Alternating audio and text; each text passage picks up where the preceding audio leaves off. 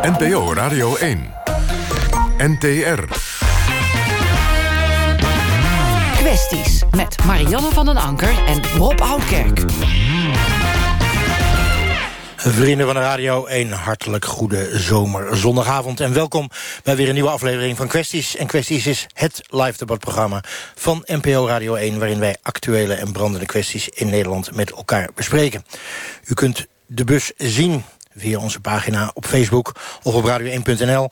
En als u mee wilt discussiëren, doe dat via de hashtag kwesties op Twitter. Zoals gezegd, het is zomer en dat is te merken hier op het uh, Marktplein in Wageningen. De terrassen zijn nog niet overvol, maar wel redelijk vol. Um, de zon scheen heerlijk, graadje of 22. En we praten over een onderwerp wat niet zo vrolijk is... namelijk het wel of niet terugsturen van vluchtelingen uit Afghanistan. Want de Raad van State heeft twee weken terug besloten... dat alle Afghanen terug kunnen naar hun geboorteland. Veilig dus. Wageningen heeft daar en er zijn ook andere steden, zijn twijfels over... en houdt ze veilig in hun gemeente. Wat nu te doen? Ik ga er zo direct over praten. Maar zoals iedere week, 100 kilometer verderop... staat Marianne van Anker in Amsterdam met een heel ander onderwerp. Marjan. Ja, dat klopt uh, Rob. Wij staan hier uh, in Amsterdam-Noord. Een plek waar vooral heel veel jonge gezinnen wonen. Vandaag de dag zijn nog heel veel ouders die aan artsen vragen om medicijnen. Zoals Ritalin en Concerta voor hun kind met ADHD. In de hoop dat hun kind daardoor hogere en mooiere cijfers gaat halen op school. Maar dat blijkt nu een mythe te zijn. Kinderen met ADHD en Ritalin die halen geen betere cijfers. Bij verschillende ouders speelt dan nu de vraag of je eigenlijk jonge kinderen deze zware medicijnen zoals Ritalin wel moet blijven voorschrijven. We gaan daar zo direct over in debat met twee ouders. Maar eerst Anne Fleur Kortekaas, een van de wetenschappers die het onderzoek heeft gedaan over de leerprestaties. Nou, dat was nogal een bom, Anne Fleur Kortekaas. Ja, dat klopt. Het, uh, werd, uh, flink, uh, het kreeg flink wat aandacht in de media. Het klopt. Ehm, terwijl het eigenlijk niet zo is dat er heel veel bewijs is dat, geweest... dat deze soort medicijnen wel de leerprestaties van kinderen met ADHD verhogen. Dus even voor de goede orde. Mensen gaan naar de dokter. En soms is er natuurlijk een docent die zegt... uw kind is wat druk, zou misschien ADHD kunnen hebben. En soms zijn er mensen die denken... nou ja, mijn kind is zo druk, misschien is het beter voor de schoolprestaties als mijn kind Ritalin of concerten gaat gebruiken. Waarom hebben jullie dat onderzoek eigenlijk gedaan? Omdat jullie dachten dat het niet zou werken? Nou, we hebben het onderzoek gedaan omdat wij uh, uh, het beeld hadden dat uh, veel ouders en leerkrachten dachten dat dit soort medicatie zou, zou werken bij het verbeteren van de schoolprestatie. En die gedachte is eigenlijk niet zo vreemd. Want we weten uit, uit veel onderzoeken en ook uit de ervaringen van ouders en, en leerkrachten dat kinderen rustiger worden in de klas, dat ze vaak meer vriendjes krijgen, dat ze soms betere relatie hebben met de leerkracht, maar ook dat ze zich beter kunnen concentreren met dit soort medicatie. En je zou verwachten dat dat leidt tot betere schoolprestaties. En dat laatste is niet wat gebeurt. We zien dat er op de korte termijn, we hebben een studie gedaan naar korte termijn effecten, dat er eigenlijk geen verbeteringen zijn in die schoolprestaties. En dat sluit ook aan bij grote studies naar lange termijn effecten. En die zeggen echt ook andere uitkomsten. Hè? Uh, hoe vaak blijf je zitten? Ga je naar het VBO, ga je naar de HAVO, ga je naar het VMBO? Hoe vaak ga je studeren?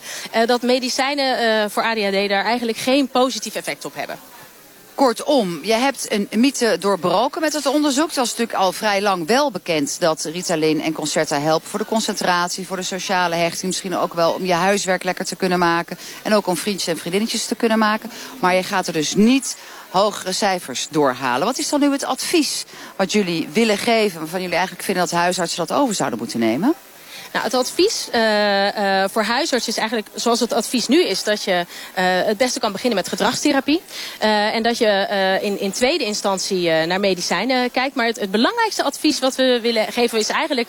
Um, licht de ouders, en de, de, de, ouders van de kinderen en de kinderen zelf... zeker als het wat oudere kinderen zijn, goed in. Dat zij ook ja, verwachtingen hebben die, die realistisch zijn. Maar ouders gaan natuurlijk ook wel twijfelen door dit soort berichtgeving. We weten van heel veel ouders dat het echt een belasting is en een moeilijke keus. Van ga ik mijn kind medicijnen geven of niet? Want het is natuurlijk best wel iets anders dan een beetje een shotje vitamines. Het is echt wel zeer zwaar spul. Wat zeg je nou tegen deze ouders die toch willen doorgaan met uh, Ritalin en Concerta? Nou, ik ben uh, helemaal niet uh, uh, negatief over het gebruik van, van medicatie. Ik denk dat het voor een heel aantal kinderen er echt voor zorgt dat ze zich op school beter voelen. en dat ze op school een fijnere schooltijd doormaken. Ehm, en dat het dus ook helemaal prima is als deze kinderen op deze manier in de klas beter meekomen. Maar dat het heel belangrijk is om je regelmatig af te vragen... heeft mijn kind dit nodig? Uh, en in, in welke hoeveelheid? Want we weten bijvoorbeeld ook dat uh, kleine hoeveelheden medicatie met gedragstherapie weer effectiever of net zo effectief kunnen zijn als grotere hoeveelheden medicatie. Dankjewel. Dit was uh, Anne Fleur Korteka. Zij is klinisch neuropsycholoog en vanuit de VU heeft zij dus dit koepelonderzoek gedaan samen met een aantal andere mensen. Maar jij bent wel de spreekbuis. De spreekbuis van de ouders hier vanavond bij kwesties. Dat zijn er een aantal, allemaal moeders met eigen ervaring met kinderen die ADHD hebben en medicijnen gebruiken. Ik begin met jou Marieke Kiers. Jij bent voor de Ritalin en de Concerta. Waarom? Uh, ik ben niet per se voor. Ik ben meer, zeg maar, uh, ik vind dat je naar het kind moet kijken. En als een kind baat kan hebben bij medicatie, dat je dan medicatie gaat geven. En als ik kijk naar mijn eigen zoon, die heeft dus een tijdje, nou, dat hij in groep 6 was ongeveer, heeft hij uh, Asperger, ja, nog kwam de diagnose. Ja, precies. En dat hij in groep 7 zat, toen uh, gaf hij zelf aan bij mij van... ik kom niet tot leren, want mijn voet zit de hele tijd te bewegen. Hij zit altijd te schoppen. En als ik dan zei van joh, en als je je voet nou stil houdt... dan zei hij van ja, maar dan zit ik alleen nog maar te denken aan dat mijn voet moet bewegen. En dat ik... Het zijn duizend prikkels voor jouw zoon dus aan de Ritalin en de Concerta? Nou, niet eens zo snel. We zijn dus eerst nog naar een psychiater gegaan. Hij heeft allerlei soorten therapieën gehad. En uiteindelijk is hij via een dubbel blindproef. Dus dat is dan uh, dat je dus, uh, daar wordt gekeken of, een, ja, of hij het echt nodig heeft. En uh, ja, op die manier is hij dus aan de Ritalin geraakt. Ik begrijp heus wel dat je niet over één nacht ijs bent gegaan als moeder. Um, jouw uh, kinderen, Pauline uh, Snijder, gebruiken ook. En jij zegt ook, eigenlijk ga ik daar gewoon mee door... ondanks dat de VU nu met een ander onderzoeksresultaat komt. Ja, dat klopt. Uh, ik heb eigenlijk de effectieve activiteit gezien uh, hiervan. Uh, mijn zoon heeft heel veel verschillende soorten methoden geprobeerd. Dat heeft allemaal iets geholpen. Hij liep qua spelling en taal liep hij ongeveer anderhalf jaar achter. Na allerlei soorten technieken heeft hij inloop gemaakt van een half jaar. Liep hij nog steeds een jaar achter. Toen zijn we toch verder gegaan. zijn we naar de psychiater gegaan. Die heeft toch aangeraden om te beginnen met Ritalin. En vervolgens heeft hij binnen een jaar heeft hij dat jaar ingelopen. En dat is eigenlijk toch waarvoor we het doen. Ja. Nou ja, jij bent dus hartstikke tevreden. Uh, Peggy, Peggy Schut, jij bent niet zo voorstander van Ritalin. Nog los van het feit of het wel of niet de leerprestaties beïnvloedt. Mm -hmm, dat klopt. Uh, ja, ik, uh, ik ben pedagoog en uh, ik coach ook mensen en ik geef lezingen. Uh, maar mijn visie is sowieso dat ADHD is geen ziekte. Het is een andere manier van denken en leren. En er zitten ook heel veel positieve kanten aan. En ik denk dat op het moment dat je tegen een kind zegt van neem maar een pilletje of ga maar in therapie. Pas je hele gedrag aan en verander wie je bent. Dan, ik denk in ieder geval hoe dat voor mijzelf is geweest en ook heel veel anderen. geeft dat een soort van boodschap van je bent eigenlijk niet goed genoeg. En, uh... Dat is in ieder geval je insteek als pedagoog. Zo begeleid jij ook kinderen. Wat zeg jij tegen de ouders? Wat vind je eigenlijk van deze twee moeders die hun kinderen harddrugs voorschrijven? Want zo wordt natuurlijk Ritalin en concerten omschreven. Ja, nou dat klopt. Het is omdat uh, ja, de, wer de werkzame stof uh, methylfenidaat, dat is gewoon een hele heftige stof. Er zijn ook onderzoeken gedaan dat dat op lange termijn, uh, zeker bij langdurig chronisch gebruik kan het ook leiden tot vrij ernstige klachten, zoals bijvoorbeeld psychoses of... Uh, ja. Daar wilde de wetenschapper op reageren. Is er wetenschappelijk bewijs voor dat het fout spul is? Nou, ik heb uh, toevallig, uh, nou niet toevallig trouwens, ik heb uh, vanmiddag nog een onderzoek uit 2017 ge, gekeken, waar, gelezen waar eigenlijk gekeken is naar de, de, de middellange termijn effecten, omdat we eigenlijk de echte lange termijn effecten volgens mij niet onderzocht zijn. En dan heb ik het over uh, als je het een jaar of twee, drie hebt gebruikt uh, intensief. En dat, uh, dat er op, op die termijn geen schadelijke effecten zijn gevonden. En dat we zelfs weten dat er bepaalde risico's bijvoorbeeld gaan roken. Okay, dat ligt dus allemaal weer wat genuanceerder. Die schoolprestatie, want daar gaat het uiteindelijk over. Hè? Dat is namelijk net iets wat uit dat onderzoek is gebleken. Is dat voor jullie, de moeders die wel Ritalin voorschrijven, belangrijk geweest als motief? Dat de schoolprestaties vooruit gaan? Dat was bij mij eigenlijk de enige... Ja, motivatie. Want ik heb wat dat betreft ook gezegd van hij gaf zelf aan van ik wil dus ik voel me vervelend hieronder dat ik dus niet mee kan komen. Uiteindelijk hebben wij gezegd van nou dan ga je aan de, aan de Ritalin. Nou, heel veel onderzoek, maar uiteindelijk wel uh, alleen onder schooltijden. Hij kreeg het niet in de weekenden, hij kreeg het maar één keer op een dag en hij kreeg het ook in de schoolvakantie. Maar het werkt dus niet. Die schoolprestaties, en dat is 30% van de mensen, blijkt uit jouw onderzoek Anne Fleur, die gebruiken die Ritalin omdat ze denken dat de schoolprestaties omhoog gaan. Wat kun je tegen deze mensen ter, ter geruststelling zeggen? Of moeten die juist stoppen met Ritalin en concerten? Nou, ik denk dat wat, wat, jullie vertellen, eh, de goede ervaringen die je hebt met, uh, met Ritalin bij het verbeteren van schoolprestaties, dat dat, wij hebben 37 jaar een onderzoek hierover geanalyseerd, een heleboel studies samengenomen. En in die studies zijn natuurlijk ook kinderen geweest bij wie het wel hielp. Dus als het voor, voor de grote groep misschien gemiddeld gezien niet helpt, wil het niet zeggen dat het voor een individu niet zo kan zijn. We gaan zo nog even met Peggy uh, verder praten over hoe zij dan denkt dat je jongeren met ADHD kunt helpen. Maar zijn vanmiddag de straat op gegaan, Amsterdam-Noord, om aan ouders en jongeren te vragen of je op zo'n jonge leeftijd al Ritalin en Concerta zou moeten voorschrijven. Ik hou niet van Ritalin bij jonge kinderen. En waarom niet? Uh, omdat ik zelf persoonlijk heb meegemaakt in mijn eigen omgeving... wat het toch voor effect met de kinderen hebben, of heeft. En ja, ik, ik zie het niet bevorderlijk. Voor mij wat ik merk is veel minder geconcentreerd. Veel, eigenlijk veel wilder. Ja, ik vind dat dat mag. Dat kan, ja. Dat kan, ja. Ze kunnen beter uh, concentreren. En dat is voordelig voor hun, ja. Uh, ik denk het niet, want kindje is nog niet volgroeid, dus je weet nog niet wat er nog verder gaat gebeuren. En ik denk dat er uh, andere dingen bij kunnen komen als er uh, zulke middelen worden voorgeschreven. Dat het misschien erger wordt of uh, andere dingen ontstaan. Nou ja, als het kind echt heel, erg, heel erg afgeleid is en moeite heeft met concentreren... waardoor ze in zijn schoolprestaties achteruit gaan en, en, het is goed voor hem, die medicatie. Dan zou ik het wel aanbevelen. Anders, uh, als, het niet, als het schadelijk is, dan liever niet. Uh, nee, want ik heb zelf namelijk ook Ritalin geslikt. En dat heeft niet geholpen om, uh, om tot een oplossing te komen. Dus ik ben daar tegen. Ik vind van wel, want anders blijft ze druk zijn. Dat je gewoon op een andere manier met hun... Nou, ik wil het niet de ziekte noemen, maar ja, wel op eh, die manier mee om moet gaan... in plaats van het maar plat uh, leggen met medicijnen. Pedagoog eh, Peggy Schut. Prikkels, die kinderen die varen wel of niet bij Ritalin als het gaat om concentratie... maar hun schoolprestaties verbeteren in ieder geval niet door. Wat vind jij dan dat er moet gebeuren? Nou, ik weet toevallig dat er uh, bepaalde scholen zijn... Uh, waar ze vernieuwende methodes gebruiken. Of bijvoorbeeld ook gewoon vernieuwende scholen. Um, en bijvoorbeeld scholen als democratische scholen of iPad-scholen uh, en andere vernieuwende scholen. Daar zijn veel minder diagnoses en er is veel minder, uh, uh, veel minder noodzaak ook om kinderen medicijnen te geven. Omdat er al meer wordt gekeken naar verschillende leerstijlen. En dat er al veel meer wordt gekeken naar wat hebben verschillende kinderen nodig. Het is natuurlijk heel lastig om dan tegen deze moeders te zeggen... haal je kinderen van school of doe ze naar een andere school... stuur ze naar een betere pedagoog. Want dan is het niet meer nodig. Wat is jullie reactie? Nee, daar ben ik het niet mee eens. Uh, ik zie eigenlijk bij mijn uh, zoon dat er, we hebben heel veel dingen geprobeerd. En uh, ze hebben nu ook les, bijvoorbeeld met iPads. daar wordt al heel veel gedaan.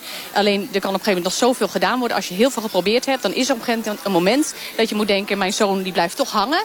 En wat kan ik nou meer doen om toch te zorgen dat hij bijkomt? En dat is niet alleen om de schoolprestaties, maar dat is ook een stukje zekerheid. Ze worden heel onzeker van, omdat ze niet meekomen. En ook die emotionele kant is heel belangrijk. En eigenlijk vind ik dat belangrijker dan die hele schoolprestaties.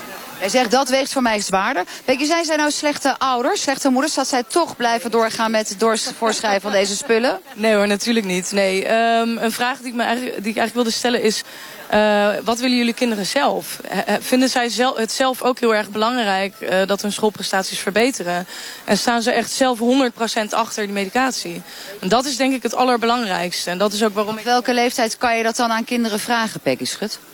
Ja, dat, da, daar wordt het inderdaad lastig. Want ik denk inderdaad, om, ja, hè, tot een bepaalde leeftijd... Uh, ik denk ook niet dat, dat je, daar echt, dat, aan dat, dat je dat echt aan één leeftijd vast kan, kunt pinnen. Maar Um, ja, ik wil toch nog even uh, iets... Richting Anne Fleur Kortekaas, de onderzoeker. Ja, over dat, uh, wat je zei over uh, ja, psychoses, zeg maar. Over de, de lange termijn effecten. Uh, ik heb begrepen dat er in België is er een apotheker. En die heeft zeg maar tijdens zijn studie heeft hij geleerd...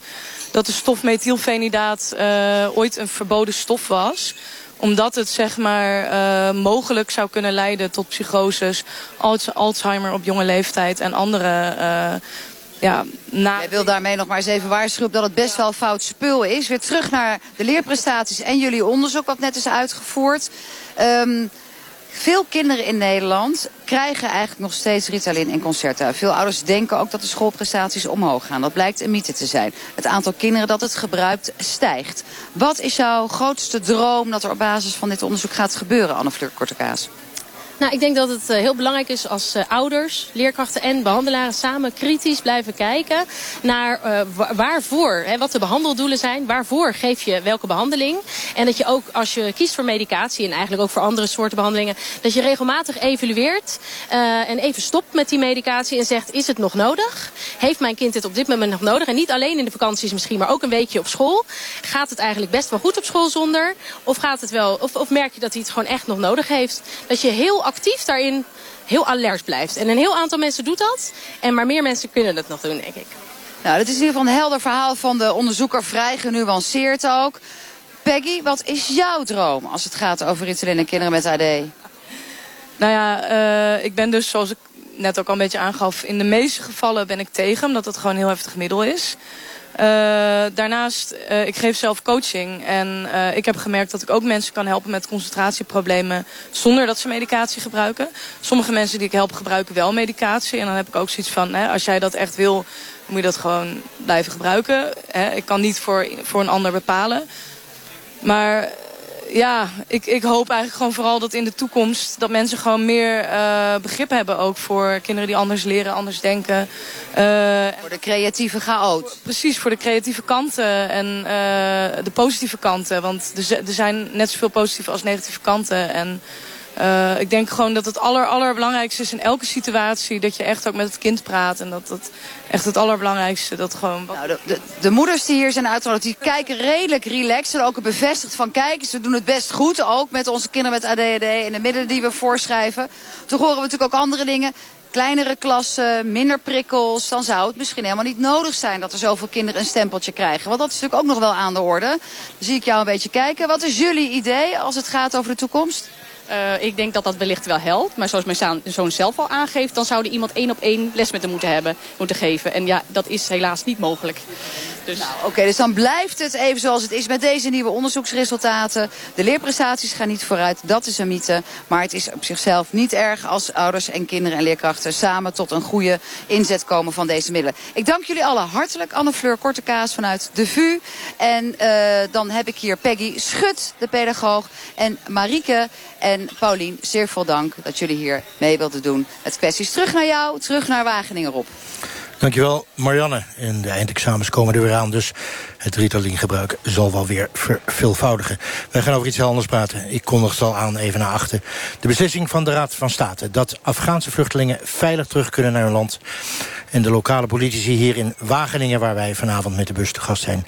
die hebben een motie daartegen aangenomen. Een motie dat zij de situatie in Afghanistan juist onveilig vinden... en hun Afghaanse asielzoekers hier dus willen houden. We hadden vanavond met de bus ook in Maastricht, Leeuwarden, Koevoorde, Den Haag kunnen staan. Want Wageningen is niet de enige gemeente waar zo'n motie werd aangenomen. Lokaal is het dus weer eens niet eens met landelijk.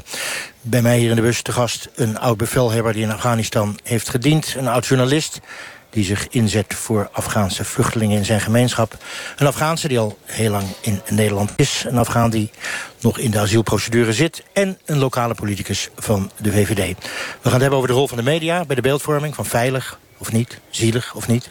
We gaan het hebben over hoe veilig of onveilig het nou werkelijk is in Afghanistan. En als we nog tijd hebben, ook over onze rol bij de wederopbouw... en ook de rol van de mensen die uit Afghanistan zijn gevlucht. Maar eerst maar eens even mijn gasten bij u introduceren. Mohammed, jij bent 18. Je bent hier nu ruim twee jaar. Je hebt in Nederland asiel aangevraagd. Ja. En je aanvraag is nog niet goedgekeurd. Nee, nog niet gekeurd.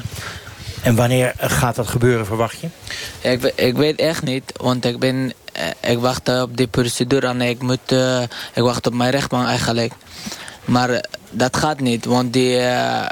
Die raad van state zei, die hele rechtbank zei, ja, moet je wachten tot de raad besloten iets positief of negatief. Maar ik weet niet waarom nu ik, ik krijg negatief en ik weet niet. En ik moet wachten op die, okay. mijn rechtbank. Dus dus wachten, wachten. Hey, waarom wilde je niet meer in Afghanistan wonen? Waarom ben je daar weggegaan? Want daar is onveilig voor mij. Ik kan niet en ik heb een probleem. Dat probleem gaan wij ook horen of gaan we niet horen?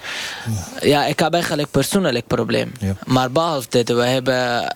Liever, ik ga niet uh, zeggen over mijn eigen persoonlijk probleem. Maar behalve dit, we hebben in Afghanistan... Afghanistan is eigenlijk onveilig.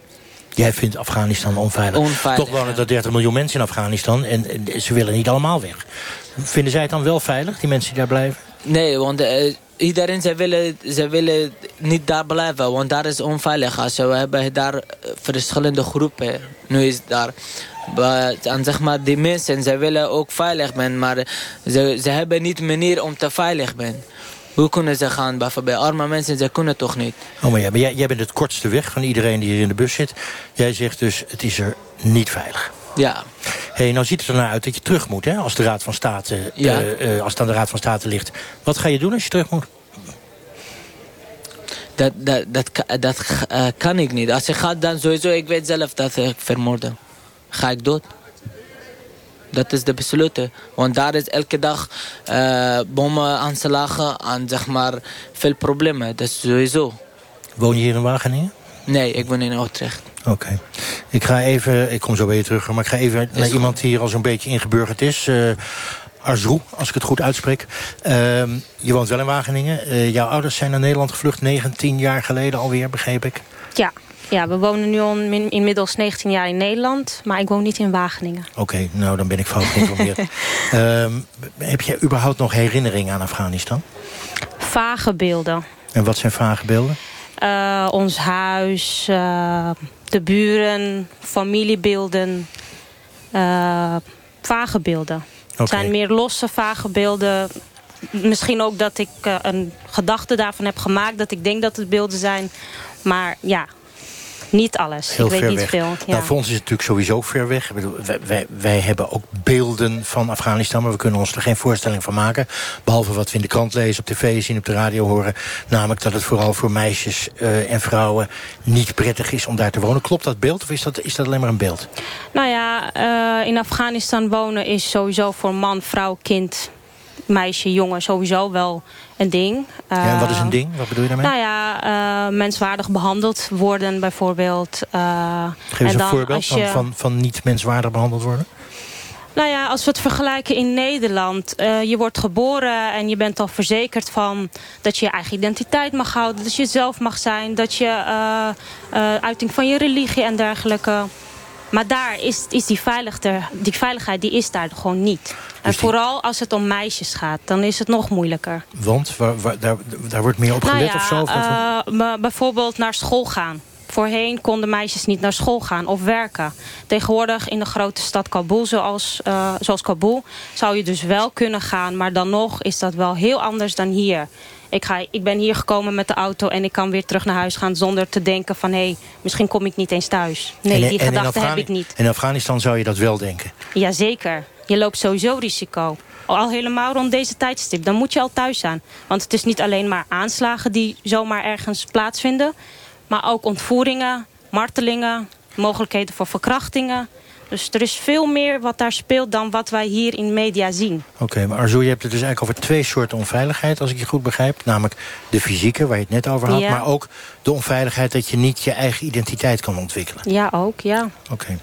Okay. Uh, wie er ook geweest is en er dus misschien wel een feitelijk oordeel over heeft... dat is luitenant-generaal Mart de Kruijf, al vaker hier in de bus uh, geweest. Uh, uh, je zat in het zuiden van Afghanistan als generaal-major van het Nederlandse leger... 2008, 2009. Ja. Dat is alweer tien jaar terug, hè? Is tien jaar terug. Ja, is het ja. voor jou dan ook vage beelden? Of, of zijn die nee, uh, in tegendeel. En, ik heb nog veel contacten met mensen die daar wonen. Ik heb twee weken geleden nog even gepraat met de commandant van ISAF. Mick Nicholson die daar nu zit. Maar ook met Afghanen, Afghaanse tolken. Maar naarmate ik er meer van weet, uh, snap ik er niet meer van. Het is een uitermate complex land.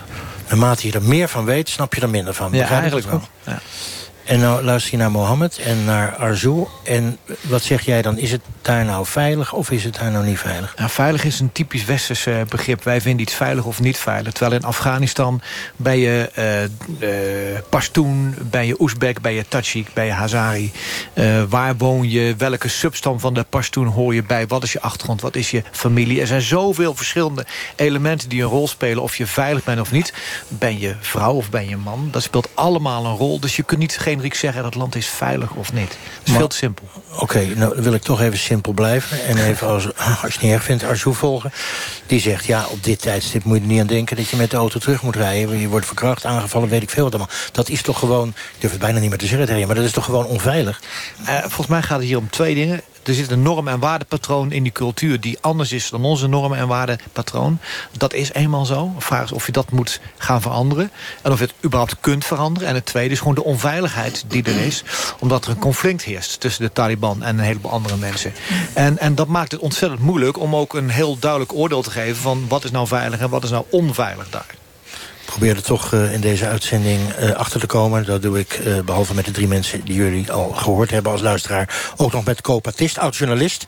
Nog veel lijnen met de media, heb ik begrepen. En je zet je in voor de familie Haidari... die uit Afghanistan zijn gevlucht, de hele familie. Hoe kwam je eigenlijk met die familie in contact? Nou, via een goede vriend die sportleraar van Athena is. Dat is de jongste dochter van 13. Een ongelooflijk verwesterd meisje. En, en, verwesterd is gewoon, ze is eigenlijk Nederlands. Ze is hartstikke Nederlands. Ja. Ik bedoel, je onderscheidt er ja, aan de huidskleur, maar verder onderscheid je er nauwelijks van, van een tiener. Ze doet dan sport. Ze spreekt hartstikke goed Nederlands. Ze schijnt heel intelligent te zijn, want ze race door de school heen. En, uh, ze doet vrijwilligerswerk. En nou ja, zoals een jonge tiener betaamt... is natuurlijk de hele dag met de telefoon bezig. Ja. Dus in die zin onderscheidt ze zich van, van niemand anders. Nou, via uh, haar sportleraar, wat een goede vriend van mij is... kwam ik daarmee in contact.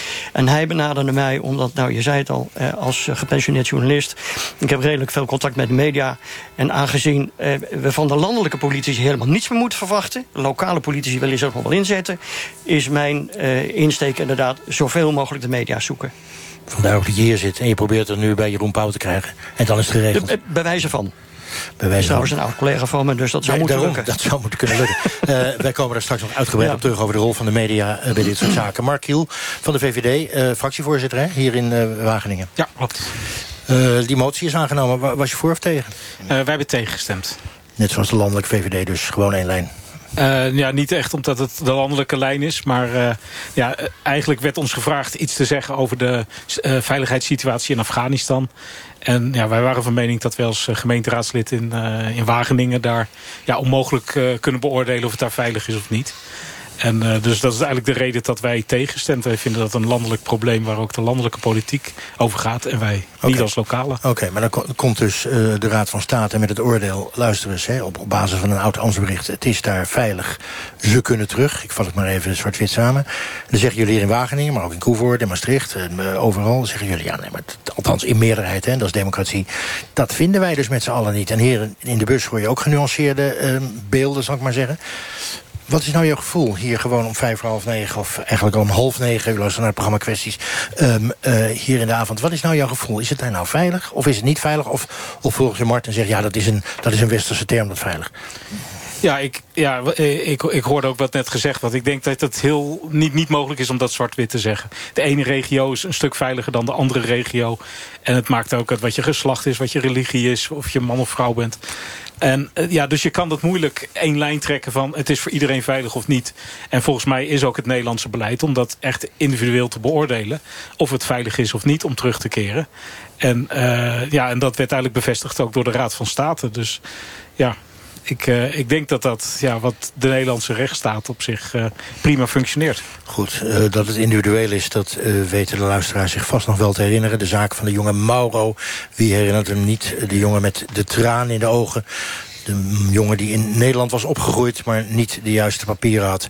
En hij mocht vooral zeg ik maar, Co, dankzij alle media-aandacht toch in Nederland blijven. En zo zijn er de afgelopen jaren wel meer casussen geweest... waarbij eigenlijk de IND zei, je moet eruit... Uh, en toen bij Pauw of Jinek, of misschien wel bij kwesties... werd geregeld dat het uh, niet hoefde. Laten we even luisteren naar een fragment van RTV Drenthe... waarin, uh, het gaat nu om degene die jij op dit moment beschermt... Athena Haidari, die werd geboren in Afghanistan... groot deel van haar leven in Iran, belandde drie jaar geleden... met het hele gezin in Nederland, is helemaal verwesterd. Laten we even luisteren naar een fragment van RTV Drenthe... waarin ze vertelt waarom ze echt niet terug kan.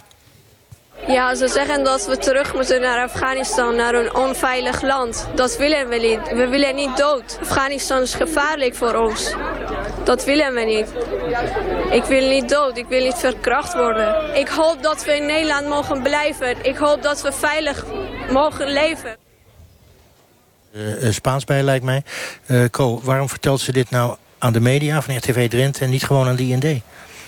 Nou, ik denk dat ze het zeker ook aan het IND verteld heeft. Ik, um, wat ik heel erg moedig aan haar vind... het is een meisje van 13 en ze mag heel intelligent zijn... en het goed doen op school. Maar ze zij is de enige eigenlijk van de familie die heel goed Nederlands praat. Ze draagt de hele familie op haar schouder. Alles wat geregeld moet worden met haar ouders... als het om gezondheidspapieren gaat... en bedenk het allemaal gesprekken met de advocaat. Zij doet dat allemaal als 13-jarige. Houden we wel rekening mee, het blijft een 13-jarige. Nou, we hebben, hoe heet het, haar uh, leraar, tevens mentor... En ook ik, omdat ik gepensioneerd heb en de tijd heb... wij begeleiden haar daarbij. Ik ga ook met haar naar de advocaten en zo. Maar reken mij dat zij echt haar, haar verhaal wel vertelt. Oké, dat is één. Maar nu even over het principe zelf. Hoeveel druk kan je in Nederland uitvoeren... als je naar de radio of de televisie of de krant loopt... om te zorgen dat je bijvoorbeeld die uitspraak van de Raad van State naast je neer kan leggen... en gewoon toch kan blijven. Mauro is een prachtig voorbeeld. Dit wordt misschien het volgende voorbeeld. Is, is dat niet rare macht van media? Ja, dat, dat is natuurlijk ook inderdaad rare macht van media. En ik ga ook niet zeggen dat dat altijd helpt. Ik denk dat dat ook in heel veel gevallen niet helpt. Uh, maar ik denk dat we gewoon alle mogelijkheden moeten aangrijpen... om keer op keer weer via de media... Uh, niet alleen de politiek, maar ook gewoon de bevolking van Nederland duidelijk te maken. Want ook die hebben natuurlijk te dealen met al die uh, vluchtelingen die hier komen. Duidelijk te maken wat het probleem is. En hoe gevaarlijk het voor dat soort mensen is om terug te keren. Zij zijn gevlucht uh, omdat ze hun leven niet zeker waren. Het zijn Hazaris, ze wonen in Kunduz. Ze beschouwen zichzelf een beetje als verlichte uh, volgers van de islam. Nou, dan heb je natuurlijk al de Taliban al meteen aan je broek. Dus ja, dat is het verhaal. En denk ik van, dat is dan ook het verhaal wat verteld moet worden. Dat is ook de reden waarom die mensen hier zijn. Snap ik, maar is het niet, zou ik bijna kunnen zeggen... oneerlijk dat sommigen de media wel weten te vinden... het zij via Copatist of via Jeroen Pauw of via Jinek of wat dan ook... Ja. en anderen weer niet. We, we, vroegen het ook even aan mensen op straat. Hè. Is het wel eerlijk en terecht al die media-aandacht voor één geprocedeerde... of uitgeprocedeerde asielzoeker? Nee, dat is zeker onterecht. Ja, ja, ja. En die Mauro heeft, was natuurlijk, uh, woont al een tijdje in Nederland. Die heeft natuurlijk zijn connecties. En mensen die wat korter in Nederland zijn, die hebben die connecties niet. Dus die kunnen daar geen gebruik van maken. Ja, ja, dus dat is wel... Uh, dat, dat is oneerlijk, ja, absoluut. Apart, zeg maar, vind ik op zich niet terecht. Want er, is inderdaad, er zijn veel meer mensen. Dus ja, ik denk dat er wel één lijn getrokken moet, uh, moet worden. Ongeacht of iemand dan wel of niet in de media komt. Uh, of wel of niet uh, teruggestuurd wordt. Nou, ik vind het niet, niet onterecht. Want ja, iedereen kan natuurlijk op die manier proberen de media-aandacht te krijgen. Dus ik, ik gun het die mensen dan ook wel. En ik vind wel dat de overheid dan moeite moet doen om die mensen ook hier te kunnen houden. Zo vind ik wel. Ach ja, dat snap ik heel goed. En soms werkt het. Ja, individueel snap ik het van mensen. Maar ik denk dat we als gemeenschap daar heldere regels over moeten hebben. Ja. Als je inderdaad uh, terug moet... En sommigen worden dan in principe teruggestuurd, omdat ze de media niet opzoeken. Anderen die gaan wel de media opzoeken. En die krijgen dan alle belangstelling en de pers en zulke dingen. Dus als je slim bent, denk ik, dat je gewoon de media opzoekt. En dan met elkaar misschien de koppen bij elkaar gaat steken. Volgens mij is 1 en 1 2. En ik denk dat ze dat veel meer moeten doen. Wat ik merk de laatste jaren... Uh, dat het de media uh, een krachtig iets uh, wordt in de, in, de, in, in, de samenleving. En dat ze gewoon heel veel kan bepalen. En dat vind ik fout. Ik vind dat dat gewoon juist de politiek dat is voor de politiek. En die moet het eigenlijk wel ja of nee zeggen. Nee zeggen. Mark, ehm, als gemeenteraadslid krijg je natuurlijk ook van alles te zien aan filmpjes zielige filmpjes, meestal kinderen. Daar ga je toch ook om? Ja, dat klopt. De, de, individuele gevallen zijn vaak heel schijnend. En uh, nou ja, wat ik net hoorde ook weer. Uh, en ja, het, dat, dat is waar. Individueel is het heel lastig om, om tegen individuen te zeggen... jij mag blijven en jij mag niet blijven. Maar hoe kijk je daar nou tegenaan? Hè? Zo Mauro is natuurlijk een prachtig voorbeeld. De een vindt de weg naar een medium wel. De, de, ander, eh, de ander vindt die weg niet. Hoe kijk jij naar, eh, naar Jeroen Pauw op zo'n moment? Dan zie je dat. En dan stem je toch tegen zo'n motie. En dat, dat, dat moet toch in je hoofd of in je hart toch een soort schisma geven. Uh, ja, nou, ik, ik geef de mensen om wie het gaat natuurlijk groot gelijk... om, om alles te proberen ja, om, om hier, ja. hier te blijven. Maar vind je niet de taak van de media dat ze gewoon... en ze moeten natuurlijk controleren, hè, dat moeten ze sowieso... maar worden ze niet ook gewoon uh, voor een karretje gespannen? Ja, maar dat, ja, een beetje wel natuurlijk. Hè, maar dat, ja, dat is de verantwoordelijkheid van de media. maar, ik vind het goed om dit in het openbaar ook, ook te laten zien aan iedereen... van wat de dilemma's nou zijn. Het je- klinkt op papier heel ik. mooi. Snap ik. Maar, kan jij als volksvertegenwoordiger dan hebben... Je bent natuurlijk net zo gevoelig als iedereen. Je zegt een beetje voor het karretje gespannen. Hoe, hoe maak je nou een redelijke, rechtvaardige beslissing? Jij bent toch gekozen door ons allemaal, in dit geval in Wageningen... om die beslissing te nemen. Lijkt me toch al lastig. Eh, nou, ik hoef die beslissing natuurlijk niet te nemen. Hè. Wij kunnen wel druk op, uitoefenen op eh, onze eh, landelijke volksvertegenwoordigers... of de staatssecretaris.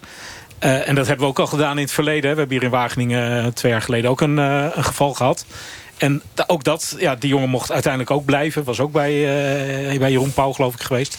Dus het, het werkt wel. En, en, maar er zit, er zit een mate van oneerlijkheid in. Maar die bevoegdheid, die ligt... Jij hebt natuurlijk de rechters die besluiten. En op een gegeven moment zijn ze uitgeprocedeerd. Dan moeten ze in principe terug. Maar uiteindelijk is de staatssecretaris nog...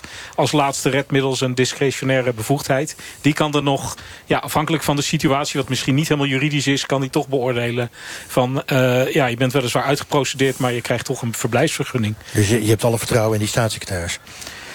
Eh, ja, dat heb ik zeker. Eh, en, en dat is een hele lastige positie. En eh, ja, iedere staatssecretaris beoordeelt dat weer op zijn eigen manier. Ja, dat is ook Hoe individueel. Dat is ook Ja. individueel. Nee, maar ik zeg dat natuurlijk omdat als je de druk goed opvoert via de media...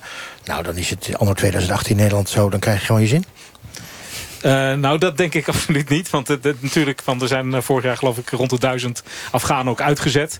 En nou, die hebben niet allemaal de media opgezocht, maar een, een groot aantal natuurlijk wel. En het, het is niet zo dat je altijd je zin krijgt. Maar als je goede argumenten hebt waarom jouw geval uniek is... dan is, maak je zeker een kans, denk ik. Eh Mohammed, jij, jij zit hier nu naar te luisteren. Ehm, eh, stel nou dat je er inderdaad uit moet. Ja. Overweeg je dan ook om uitgebreid de media op te zoeken? Ja, de weg is... Ja, heb ik gezocht die honderdduizend mensen. Zij, zij nu terug naar Afghanistan. Wat is de situatie van hen? Sowieso is eh, slecht en zij is onveilig. Misschien... Ik, eh, ik, ik wist het niet. eh, die zoveel mensen. Zij heeft uitge teruggezet. Maar eigenlijk, dat, dit is echt geen goede situatie voor hen. En ze hebben, ze hebben geen... eh, zij is onveilig. Dus, dus met andere woorden, kwestie van leven en dood, of leven of dood. Jij, jij zoekt dan gewoon de media op. Jij, jij gaat dan heel ver om te proberen hier te blijven. graag om te iedereen eh, eh, media kunnen helpen ons. Bijvoorbeeld in Afghanistan is sowieso afgelopen week 100, eh, honderden, 500 mensen. Ze wordt vermoord tu- tussen de en twee raketten. Dus sowieso onveilig. De media kunnen iedereen helpen. Arzo, ehm, is dat gerechtvaardigd om de media te gebruiken, tussen aanhalingstekens... om te zorgen dat je hier kan blijven en te zeggen... sorry, het is echt onveilig daar. En dan met beelden te werken die zo'n beïnvloeding hebben... op de bevolking en ook de staatssecretaris... dat het op die manier lukt? Nou ja, ik vind dat heel erg oneerlijk. Ik gun die, ik gun die kans eigenlijk voor elk vluchteling. Maar het feit dat men dan eigenlijk trilt door media, denk ik oneerlijk. Luister naar de persoon, luister naar het verhaal. Kijk naar de bewijzen, kijk naar het land, bepaal dan. Oké, duidelijk. En de IND, die zijn wel eerlijk? Ik weet niet zo goed welke criteria eh, IND handelt. Eh, dus ik weet niet waar ze precies naar gaan kijken. Wel naar het land, naar het verhaal en dergelijke. Maar ik persoonlijk heb wel het idee dat de vluchtelingen nu zoveel zijn... dat het IND ook niet lukt om echt het persoonlijk verhaal van iemand te volgen... en aan de hand van het verhaal te beoordelen. Maar meer cijfertjes, dus kom maar hop, hop, achter elkaar aan en verder gaan. Marten Kruijf, eh, wij zagen elkaar net al even voor de uitzending begon. We hadden het hier even zijdelings over. Wat moeten we nou met die uitspraak van de Raad van State? Iedereen maar gewoon terug? Nou ja, punt 1 ben ik hartstikke blij dat we in een land leven met een rechtelijke macht die onafhankelijk is. En dat we de scheiding der machten hebben. Dat zie je niet overal meer. En als je dan ergens niet mee eens bent, heb je ook de macht via de media om te zeggen... dus moeten we de wet gaan veranderen en gaan de rechts ook naar een ander oordeel komen. Ik vind dat essentieel dat we dat doen en dat we dat ook zo overeind houden. En ik ga me pas erg zorgen maken als ik merk dat de rechterlijke macht... in haar uitspraken wordt beïnvloed door de media. Ik mag echt hopen dat dat niet zo is, want dan heb ik voor het verkeerde land gevochten. En is dat eh, het geval op dit moment in Nederland... dat rechterlijke macht niet beïnvloed wordt? Durf je daar je hand voor in het vuur te steken? De rechterlijke macht zal ongetwijfeld wel eens fouten maken... maar ik geloof echt dat ze onafhankelijk is, ja. En daarmee is alles gezegd. En daarmee is niet alles gezegd, want je hoeft niet altijd eens te zijn met de rechterlijke macht. Dat is iets heel anders. Oké, maar nou even over die veiligheid, want daar gaat het hier natuurlijk voornamelijk over uh, in de bus. Die veiligheid, daarvan zegt de Raad van State, luister eens, het is daar veilig genoeg. He, ze nuanceren het, ik heb het gelezen, ze nuanceren het. Maar het is daar veilig genoeg om terug te keren. Eens? Um, twijfelachtig. Niet eens, niet eens. Ik weet zeker dat er gebieden zijn waar je veilig terug kunt. Daar ben ik van overtuigd. Maar ik zie ook uh, dat er een soort... Uh, en uh, Mick Nicholson zei het, commandant ISAF in de Senaat. Er is een stalemate. He, er is echt nu een, een soort padstelling tussen de Taliban en ISAF. En je kunt niet zeggen dat een van beide partijen aan het winnen is. En de tijd dat Afghanistan een land zal zijn dat veilig is... naar onze eigen normen. Als je praat over veiligheid en niet over normen en waarden... dat duurt gewoon nog heel lang. Maar dan ga ik je iets lulligs voorleggen. Het is eigenlijk te lullig om je voor te leggen. voor Nederlanders geldt een negatief reisadvies voor heel Afghanistan. Code rood. Ja. Gewoon een negatief reisadvies. Dat betekent dus, het is er niet veilig. Dan ben ik een hele simpele jongen. Als er een negatief reisadvies is, het is er niet veilig... dan is dat niet veilig voor Nederlanders, niet voor Fransen... niet nee. voor Duitsers, niet voor Afghanen. Ja. Of zie ik het fout? Nee, dat is helemaal goed. Maar een reisadvies is voor een heel land en een rechtelijke macht moet uitspraak doen op grond van de individuele situatie van maar, de maar, mensen. Maar wacht even, Mark, wacht even. Als ik nou een niet-presentator zou zijn van dit programma... maar ik zou naar de radio zitten te luisteren... en ik zou horen, voor Nederlanders is een negatief reisadvies... met andere woorden, als je erheen gaat en er overkomt je wat... dan betaalt je verzekering niet eens uit. Ja. Maar die Afghanen gaan we allemaal terugsturen. Ja, daar zit frictie in. Nou en, ja, daar zit frictie in. Ja. ja. Maar dat zit precies in dat beeld wat wij van Afghanistan hebben. Wij denken graag in entiteiten. Of het nou Oostenrijk is, of Afrika, of Afghanistan. Het is één beeld en dat klopt. En dat reisadvies past er daar niet aan aan. Is één beeld, het is veilig of niet. Maar als je naar Afghanistan dieper duikt... dan is dat zo gecompliceerd en zo moeilijk te doorgronden... dat je dan een hele andere wereld tegenkomt. Vind prima, maar vind prima. en toch denk ik, het is... Ja, misschien ben ik een simpel westers diertje. Het is veilig of het is niet veilig. Even, even hulp van je buurvrouw. Uh, die, dat kunnen mensen misschien niet zien. Uh, Arzu, het is veilig of niet? Negatief reisadvies voor Nederlanders. De Raad van State zegt het is veilig genoeg. Hoe rijm ik dat? Frictie, zegt je buurman. Wat zeg jij? Nou ja, het is niet alleen Raad van de Staat en uh, Rijksoverheid over een negatief reisadvies. Maar zo zijn er meerdere. VN de Veiligheidsraad heeft ook gezegd. En zo zijn er meerdere rapporten en artikelen geschreven over dat het eigenlijk onveilig is. En dat je gewoon niet moet gaan. Dus of hij, of hij, of jij, of ik nou daar niet mogen gaan... of een ander, of Mohammed nu in dit geval, ik zie het verschil niet. Als ik zelf niet mag gaan, waarom zou ik Mohammed wel terug laten sturen? En dan zou ik op vakantie gaan, voor een maandje terugkomen... maar hij mag dan ook niet terugkomen, blijf maar daar. Als ik nu vrouw zou zijn, in een jaar of dertig... zou je mij uh, met een gerust hart naar Afghanistan laten gaan? Nee. Zou je afraden? Nee, ik zou je niet terugsturen, nee. En als ik nou een man van 63 was, want dat ben ik... Ja. zou ik dan veilig... Nee, ook niet. Ook niet? Nee. Het maakt niet uit voor mij hoe oud je bent, wat je aard is en dergelijke. Mark Hiel, um, nou hoor je dit toch daar... Dit, dit, Mart zegt frictie, bijna een politieke uitspraak.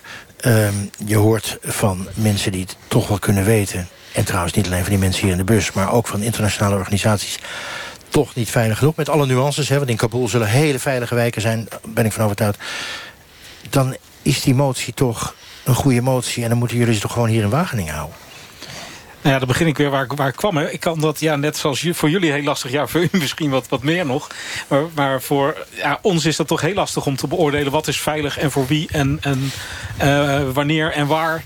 Uh, dus ik vind dat, ja, uh, het klinkt heel makkelijk om als gemeenteraad te zeggen... ja, heel Afghanistan is veilig of heel Afghanistan is onveilig. Maar ik denk, ja, je moet dan toch een beetje bij jezelf blijven... en denken, daar heb ik het, daar heb ik het zicht niet op. Snap ik, maar waarom heb je dan tegen die motie gestemd? Want ik, hoor toch ook twijfel bij je?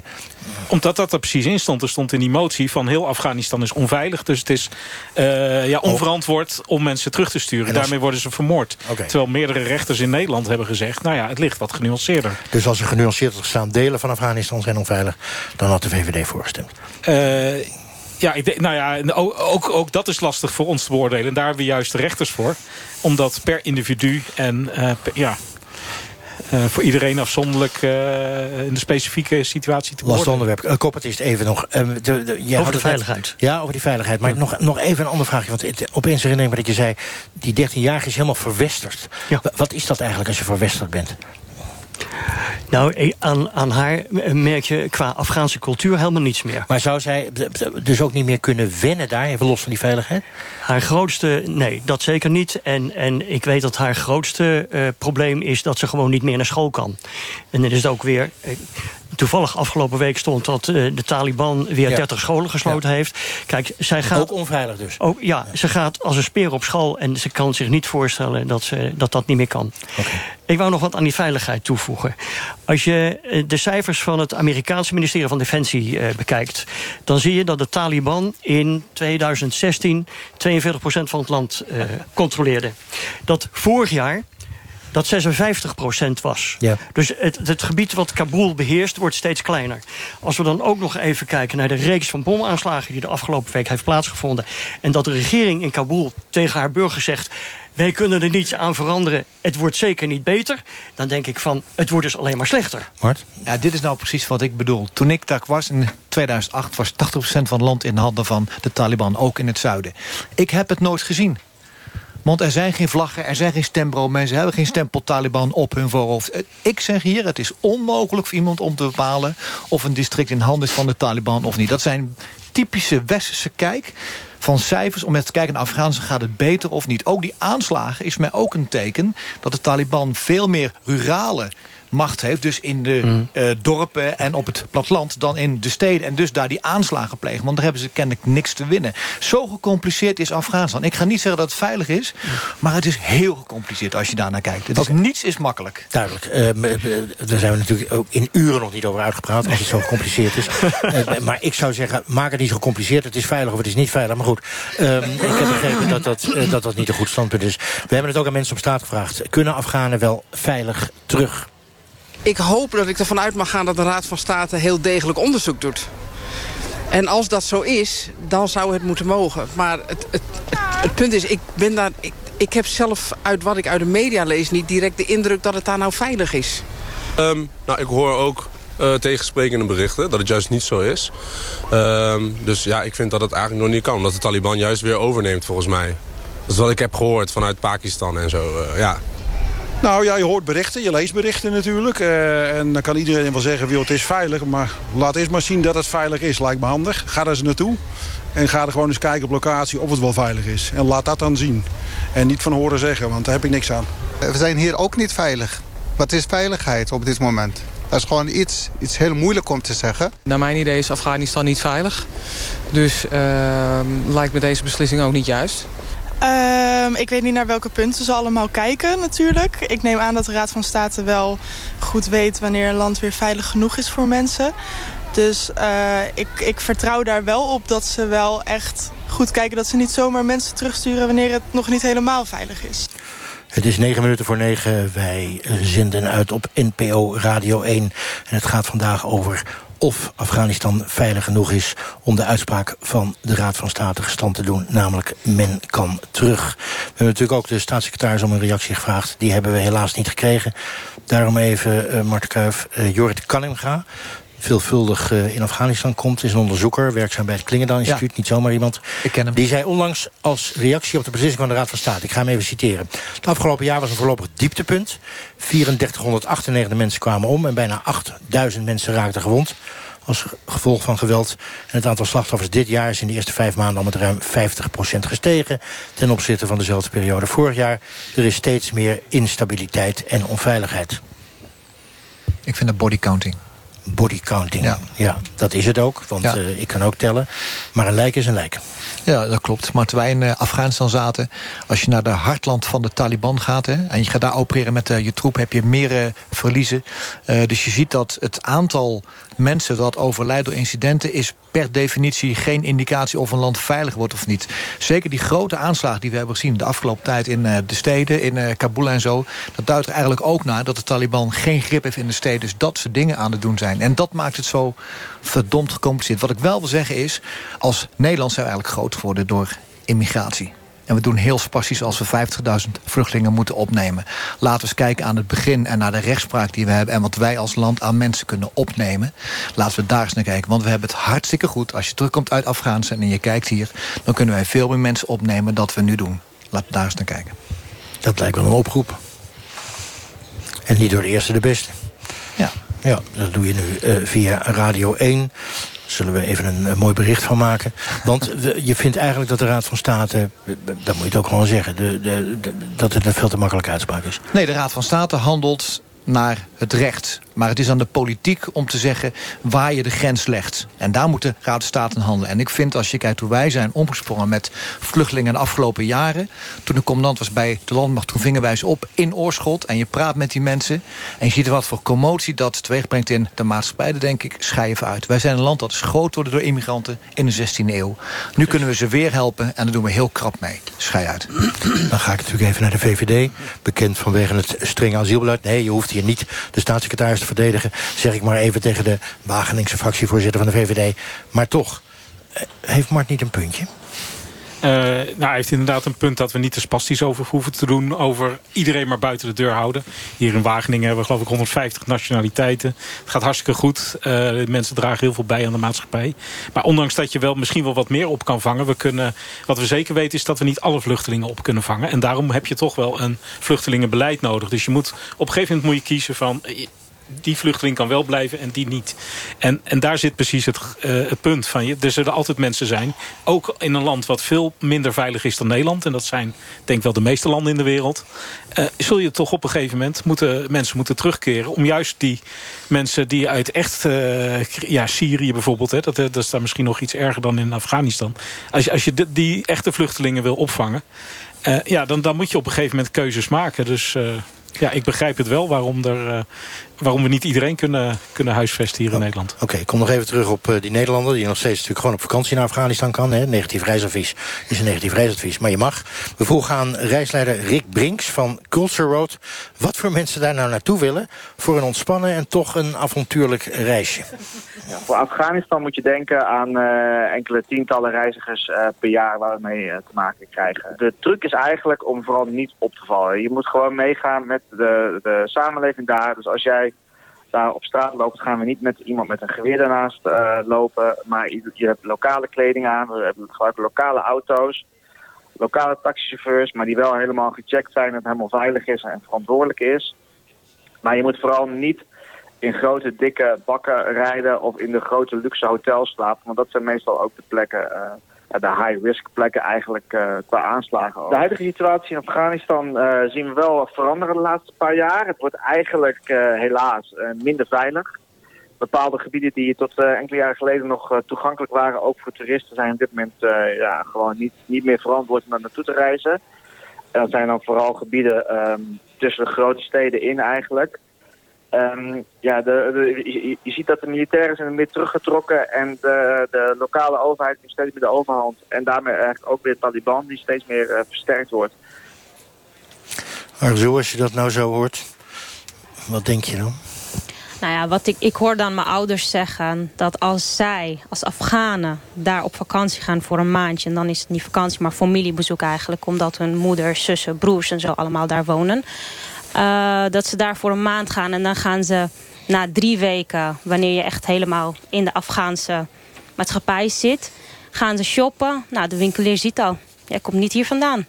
Dus je hoeft niet met een dikke bak daar rond te lopen... of in een luxe hotel te zitten. Ze zien het al. Ook al ben je Afghaans, ze zien het al. Nou ja, dan, dan weet ze al van... hé, hey, dat kan wel een rijk iemand zijn. En als je zelf misschien niet rijk bent... dan heb je wel netwerken buiten het land. Dus je bent wel een uh, mooi doelwit om bijvoorbeeld te ontvoeren. Om bijvoorbeeld iets van 3 euro, 9 euro voor jou te verkopen. Nou ja, dan in roepees. Maar ja, misbruik. Mart, ik had uh, nog heel graag over de wederopbouw van Afghanistan willen praten. Maar bijna zoals iedere week in kwesties komen we weer tijd kort om alles te behandelen. Maar die wederopbouw, één kort zinnetje. Moeten wij niet gewoon veel meer gaan helpen daar. Hè. We investeren al heel veel in Afghanistan. Je ziet dat heel veel bedrijven daar zijn. Die vinden het toch ook blijkbaar veilig genoeg om daar handel te doen. Is dat niet een weg, een begaanbare weg om te kiezen? Economische opbouw is altijd de beste weg. Economische opbouw is altijd de beste weg. Uh, ik dank jullie allemaal dat jullie hier aanwezig waren. We zijn iets wijzer geworden. Maar eigenlijk weet ik nou nog steeds niet of het veilig is of uh, niet veilig. Uh, geef uh, ook uw mening, alstublieft. Doe dat via Twitter met deze kwesties... of doe het op onze Facebookpagina, of bel ons... of treed op een of andere manier in contact. Ook als u in Afghanistan geweest bent. Tot zover vandaag. Volgende week zondag is het hopelijk nog steeds zomer. En dan zes maanden lang. En dan zijn we weer ergens anders in het land... met een andere brandende kwestie. Zometeen Radiodok. Met onder andere een podcast over Pawel, een jongen uit Oost-Polen... die in Friesland in de komkommerkassen werkt. En u gelooft het niet, maar deze aflevering gaat over de hete adem... die de Friese voelen door de Polen... die eigenlijk veel beter technisch zijn met die komkommerpluk... dan wij als Nederlanders. Ik wens u nog een prachtige zomeravond. Tot volgende week.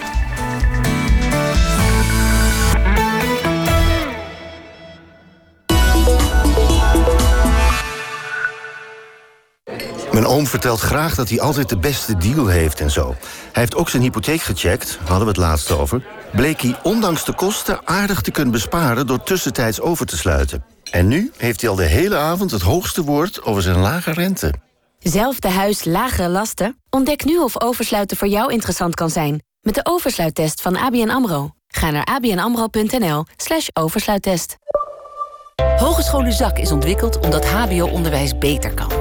Kleinschaliger, met kleine klassen en volledige focus op de student. Een goed georganiseerde hogeschool met docenten uit het bedrijfsleven. Waar alles is gericht op de ontwikkeling van uw kind tot professional. Inclusief baangarantie.